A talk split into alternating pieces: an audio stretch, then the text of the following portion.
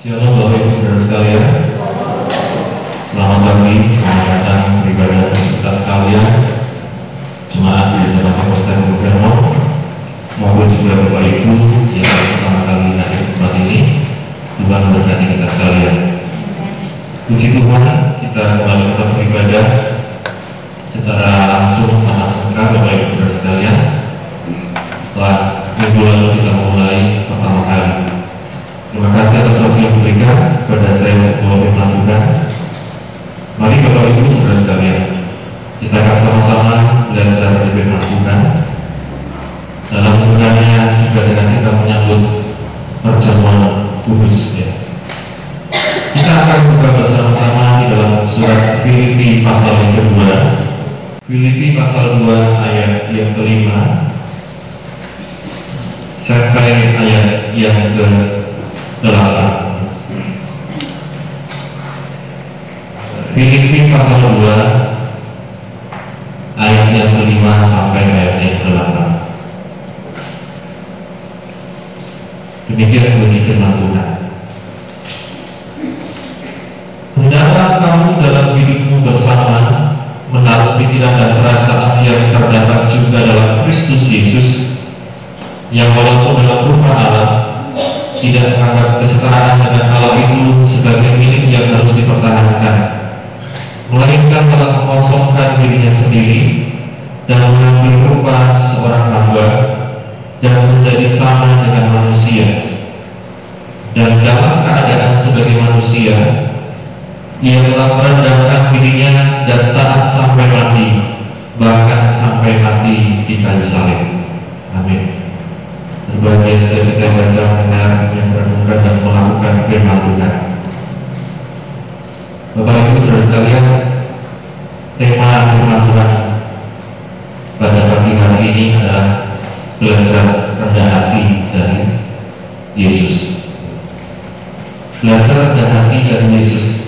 Seperti yang kita baca barusan Bapak Ibu dikatakan ia dalam rumah Allah tidak menganggap kesetaraan dengan Allah itu sebagai milik yang harus dipertahankan melainkan telah mengosongkan dirinya sendiri dan mengambil rupa seorang hamba dan menjadi sama dengan manusia. Bapak Ibu saudara sekalian berbicara tentang rendah hati, saya percaya tidak ada orang yang bisa rendah hati secara natural atau bawaan.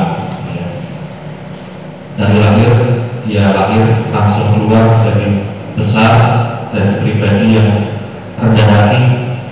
Saya percaya tidak ada rasanya seperti itu ada yang tergantung bagaimana teladan yang diberikan.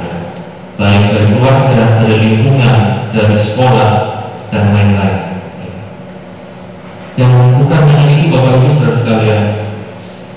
Kadang juga kita bisa belajar hati melalui peristiwa-peristiwa yang terjadi dalam kehidupan kita.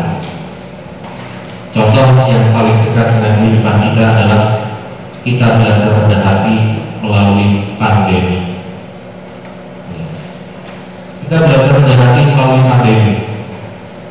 Ada orang yang eh, dulu awal-awal masuk waktu virus corona eh, terlalu menyepelekan termasuk mungkin juga anak-anak muda termasuk juga orang-orang mungkin di luar sana dulu awal-awal kalau kita ingat corona itu masih buat guyonan ya. tidak mungkin ya corona bisa masuk Indonesia ya. orang Indonesia dari tangannya sudah luar biasa maka di jalanan kaki lima saja tidak sakit perut ya. apalagi cuma karena corona katanya seperti itu ada lagi yang bilang tidak perlu pakai masker. Ya. Tuhan kita lebih besar daripada corona, ya. daripada virus dan lain-lain. Dan kita melihat Bapak Ibu ternyata e, seiring berjalannya waktu mau tidak mau kita merasakan yang namanya harus dipaksa untuk rendah hati. Yang tadinya tidak pakai masker sekarang harus pakai masker yang tadinya sekolah tatap muka sekarang harus di rumah. Orang tua yang tadinya bisa membebaskan anaknya untuk sekolah tidak sebelumnya sekarang harus ikut jadi guru. Ngajar matematika ngajar alam, kalian dan lain-lain. Orang-orang yang tadinya juga bekerja dengan lancar sekarang ada yang harus dirumahkan. Ada yang kena PHK Ya. Ada yang kena banyak dampak ekonomi goncang, dunia kerja ikut merada. Ya. Ini Bapak Ibu Saudara sekalian, kalau kita sadari corona ini masa pandemi apa ya kalau kita sadari masa pandemi ini adalah satu lagi dan kita mau kendali melihat dunia ini seperti apa yang tadinya kita tidak mau lakukan sekarang harus dilakukan yang tadinya bebas melakukan apa saja sekarang terbatas hampir semua berubah termasuk ibadah Dulu kita bisa tiga kali ibadah, sekarang maksimal satu kali. Ya. Dulu bisa bermacam-macam acara, sekarang dibatasi. Bahkan mau tidak mau gereja harus mengadaptasi cara online. Cara-cara online Bapak Ibu. Walaupun dengan berbagai macam keterbatasan. Sekarang tugas pendeta bukan hanya menyiapkan khotbah, tetapi kalau bisa ngedit video dipasang di internet nah ini Bapak Ibu kita dipaksa untuk sesuatu yang sebelumnya tidak kita kerjakan atau pikirkan karena kalau setelah masa corona ini setelah masa pandemi kita tidak belajar hati kita masih seperti sebelum corona ya artinya ada sesuatu yang kita uh, mungkin menguatkan pembelajaran yang kalian lakukan di masa pandemi ini. Ini Bapak Ibu Saudara sekalian kita perhatikan. Kalau cara hidup kita, mengira kita masih sama dengan sebelum corona, kita perlu bertanya pada diri sendiri, apa maksud kita mengalami masa pandemi ini? Apakah kita menjadi pribadi yang hati sekarang? Atau kita masih seperti dulu yang penting beriman, tidak menjaga kesehatan, tidak perlu perhatikan imunitas, tidak perlu perhatikan pemerintah dan lain-lain. Ini contoh tentang kesehatan, belum lagi tentang hal-hal lain. Ya. Dalam perjalanan ini, dalam perjalanan ini pun kita melihat Ibu orang-orang berbagai macam ya. Di luar sana ada yang malah tidak percaya ada corona, mereka menolak. Ini yang orang-orang yang saya eh, baca yang dikatakan percaya teori konspirasi luar biasa lagi ramai mereka tidak percaya corona menyangkal semua ini. Tapi ada juga apatis tidak peduli ada atau tidak ada terserah. Yang penting saya hidup. Ada juga yang seperti dendam Bapak Ibu sudah sekali maksudnya apa? Waktu corona sudah merancang uh, sebelum corona merancang berbagai macam hal ada corona uh, dia tidak bisa lakukan apa-apa setelah corona daftar yang dulu tidak dilakukan sekarang harus dilakukan. Makanya banyak tren-tren setelah pandemi ini Bapak Ibu. Ada tren goes ya, naik sepeda. Entah berapa positif di Indonesia yang penting naik sepeda dulu ya. ada lagi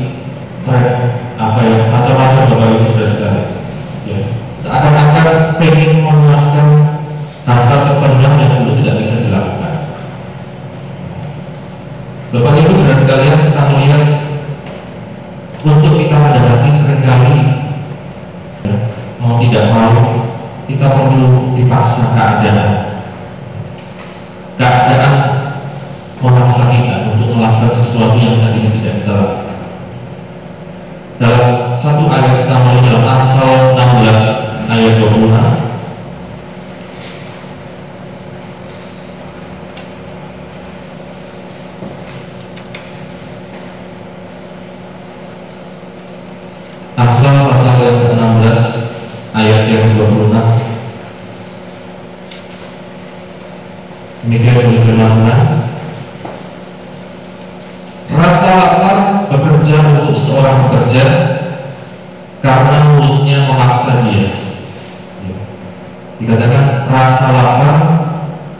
bekerja untuk seorang pekerja karena mulutnya memaksa dia.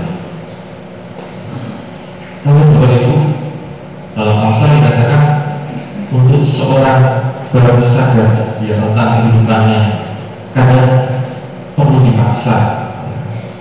Contohnya apa?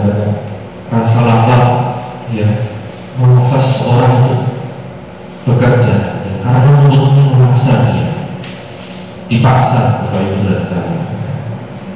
Dan ini menjadi renungan kita sekalian. Jangan sampai kita menjadi pribadi rendah hati hanya karena dipaksa atau karena takut berguna.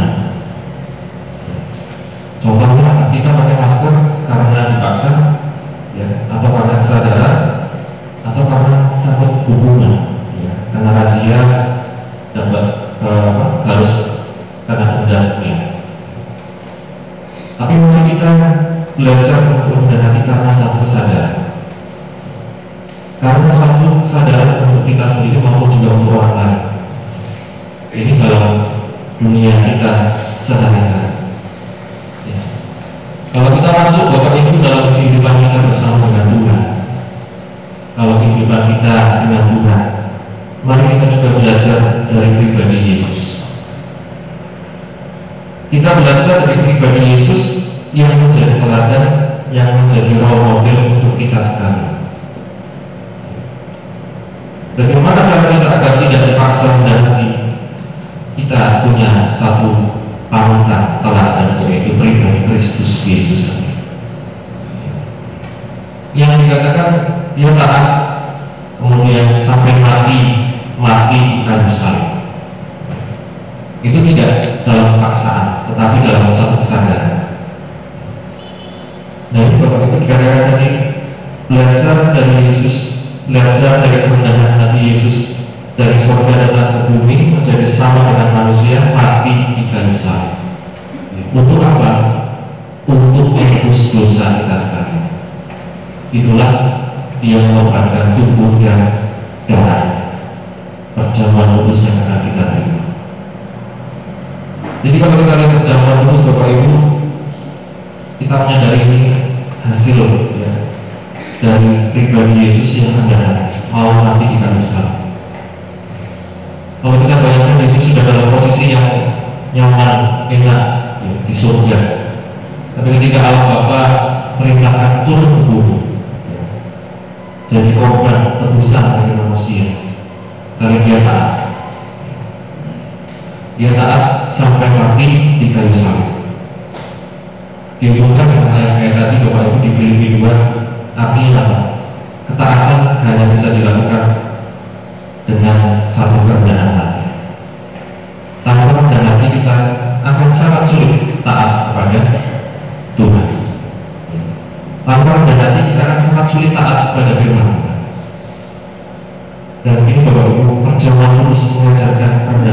Kristus yang taat dan mudah.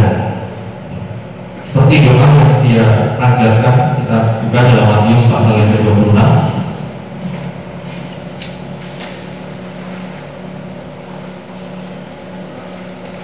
Matius pasal 26 kisah mengenai Yesus di taman Getsemani. Matius 26 ayat 38 sampai ayat 39. Matius 26 ayat 38 sampai 39. Demikian menjadi firman Tuhan. Lalu katanya kepada mereka, hatiku sangat sedih, seperti mau mati rasanya. Tinggal di sini dan berjaga-jagalah dengan aku.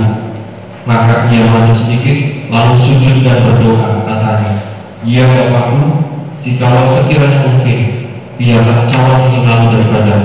Tetapi jangan seperti yang engkau kehendaki melainkan seperti yang engkau kehendaki. Firman Tuhan katakan ketika Yesus akan menghadapi salib. Dia menaikkan doa di Taman Getsemani. Doa yang sangat terkenal. Doa yang mungkin kita sering uh, panjatkan juga dalam kehidupan kita. Dikatakan Ya Bapak jika sekiranya mungkin biarlah calon ini lalu daripada tetapi janganlah seperti yang ku kehendaki melainkan seperti yang engkau kehendaki. Artinya Bapak Ibu Yesus pun ketika dia menjadi manusia bumi ini dia punya kehendak. Dia punya kemauan. Dia punya satu rasa hati ya. Melihat Bapak Ibu Saudara sekalian dia serahkan hidup dan kehendaknya itu kepada Bapa di surga dia serahkan hidup dan kehendaknya kepada Bapa di surga sehingga dia katakan tetapi janganlah seperti yang ku kehendaki melainkan seperti yang kau kehendaki. Tanpa kita menyadari hal ini Bapak Ibu seperti yang juga terjadi dalam masyarakat ketika menghadapi pandemi Ibu kalau kita melihat selain tren-tren tadi ada juga yang namanya tren orang stres karena pekerjaan orang bunuh diri ada juga. Kejadian-kejadian di luar akal juga terjadi. Contohnya apa? Pengambilan paksa jenazah covid ya. orang sedang mau dikubur petinya dibuka rame-rame diambil mayatnya dimakamkan dengan cara biasa kalau kita pikir secara Bapak Ibu ini di luar nalar manusia ya. tapi itu yang terjadi ketika kita lihat orang dipaksa dengan keadaan tidak nyaman. Tidak ada yang nyaman Bapak Ibu ketika kita dipaksa untuk melakukan sesuatu yang tidak kita kehendaki. Tapi kita lihat jangan sampai kita hanya ketika keadaan memaksa. Ketika kita tidak menyerahkan kehendak kita hidup kita pada Tuhan, nantinya kita bisa seperti orang lain, stres, ya, bahkan berniat melakukan apa? Tadi ada yang bunuh diri dan lain-lain. Di awal mereka di awal ini tidak bisa menerima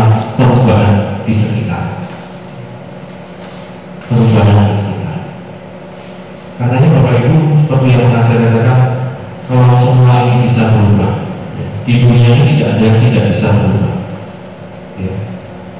manusia bisa berubah perasaan bisa berubah ekonomi bisa berubah, keadaan semua bisa berubah. Bahkan tubuh kita pun bisa berubah seiring berjalannya waktu. Ya. Karena kalau semua ini bisa berubah, Bapak Ibu, kita perlu berpegang adanya tidak berubah. Itulah apa? Pribadi Tuhan dan juga firman Tuhan di dalam kehidupan kita. Kita baca ulang dalam satu Petrus. 1 Petrus pasal 1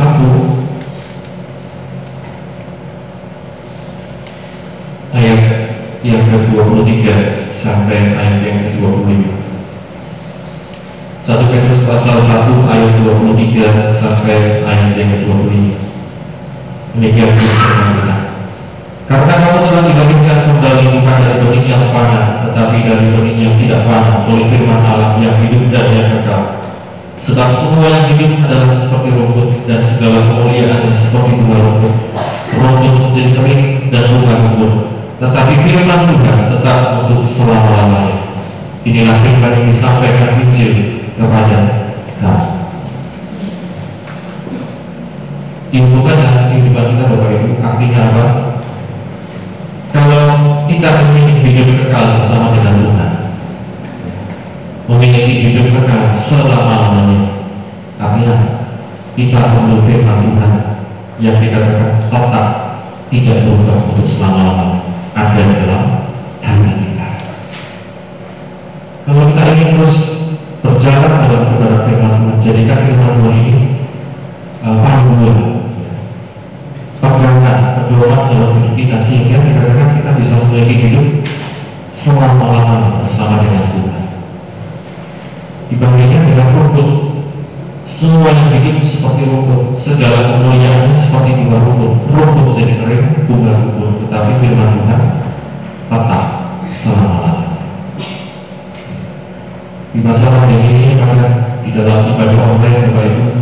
kita menjadikan firman Tuhan itu sesuatu yang utama di dalam hidup kita.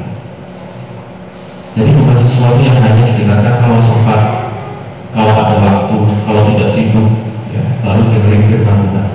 Ya. Tetapi kita menjadikan firman ini sebagai sesuatu yang utama dalam kehidupan kita sehingga kita memiliki juga hidup yang kekal bersama dengan Tuhan. Saudara sekalian, kita kembali kepada Filipi pasal yang kedua.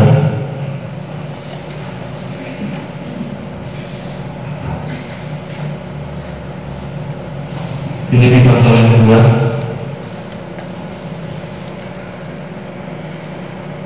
ayat yang ke-8 sampai ayat yang ke-11. Filipi 2 ayat 8 sampai 11. Dan dalam keadaan sebagai manusia, ia telah merendahkan dirinya dan taat sampai mati, bahkan sampai mati di kayu salib. Itulah sebabnya Allah sangat meninggikan dia dan mengaruniakan kepadanya nama di atas segala nama supaya dalam nama Yesus lutut segala yang ada di langit dan yang ada di atas bumi dan yang ada di bawah bumi dan segala yang mengaku Yesus Kristus adalah Tuhan bagi kemuliaan Allah Bapa. Ini bisa dikatakan hasil yang dampak dari kerendahan hati Tuhan Yesus yang taat sampai mati. Dikatakan Allah meninggikan dia. Bahkan dikaruniakan kepada nama di atas segala supaya dalam nama Yesus bertekuk lutut segala yang ada di langit yang ada di atas bumi yang ada di bawah segala yang mengaku Yesus Kristus adalah Tuhan Bapa kemuliaan Allah.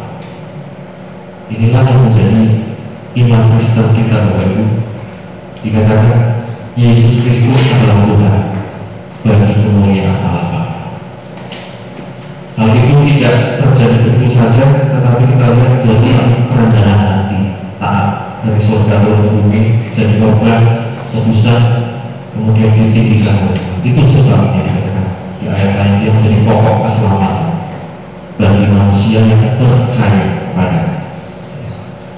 Karena kalau kita lihat Bapak Ibu di uh, akhir zaman ya, kalau berjalan akhir zaman seperti yang dikatakan semuanya akan mengaku Yesus Kristus adalah Tuhan.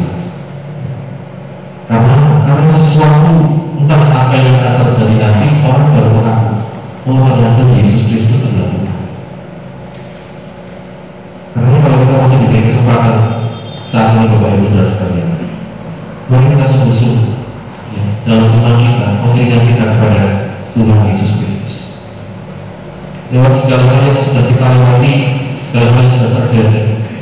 Mari kita belajar untuk menjadi pribadi yang rendah hati seperti Kristus. Menjadi pribadi yang lebih berkenan kepadanya di dalam kehidupan kita, baik di keluarga, di pekerjaan, di sekolah, di masyarakat, di mana pun kita berada. Amin. Firman Tuhan yang bisa saya sampaikan pada hari ini. Setelah ini kita akan masuk dalam perjalanan lurus. Sebelumnya kita akan berdoa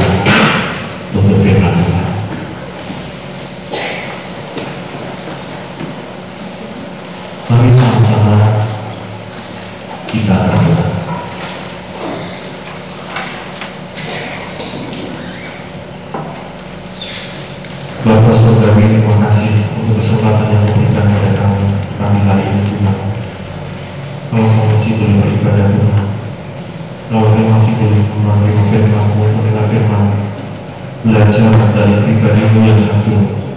Mari Tuhan berikan kami anugerah Tuhan untuk kami dapat sungguh-sungguh percaya dan beriman kepada Tuhan.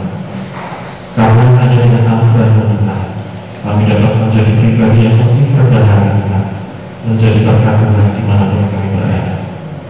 Kami bersyukur Tuhan Mampukan setiap kami umat Tuhan untuk kami menjadi pelaku-pelaku firman. Terima kasih Bapak dalam nama Kristus Yesus Tuhan.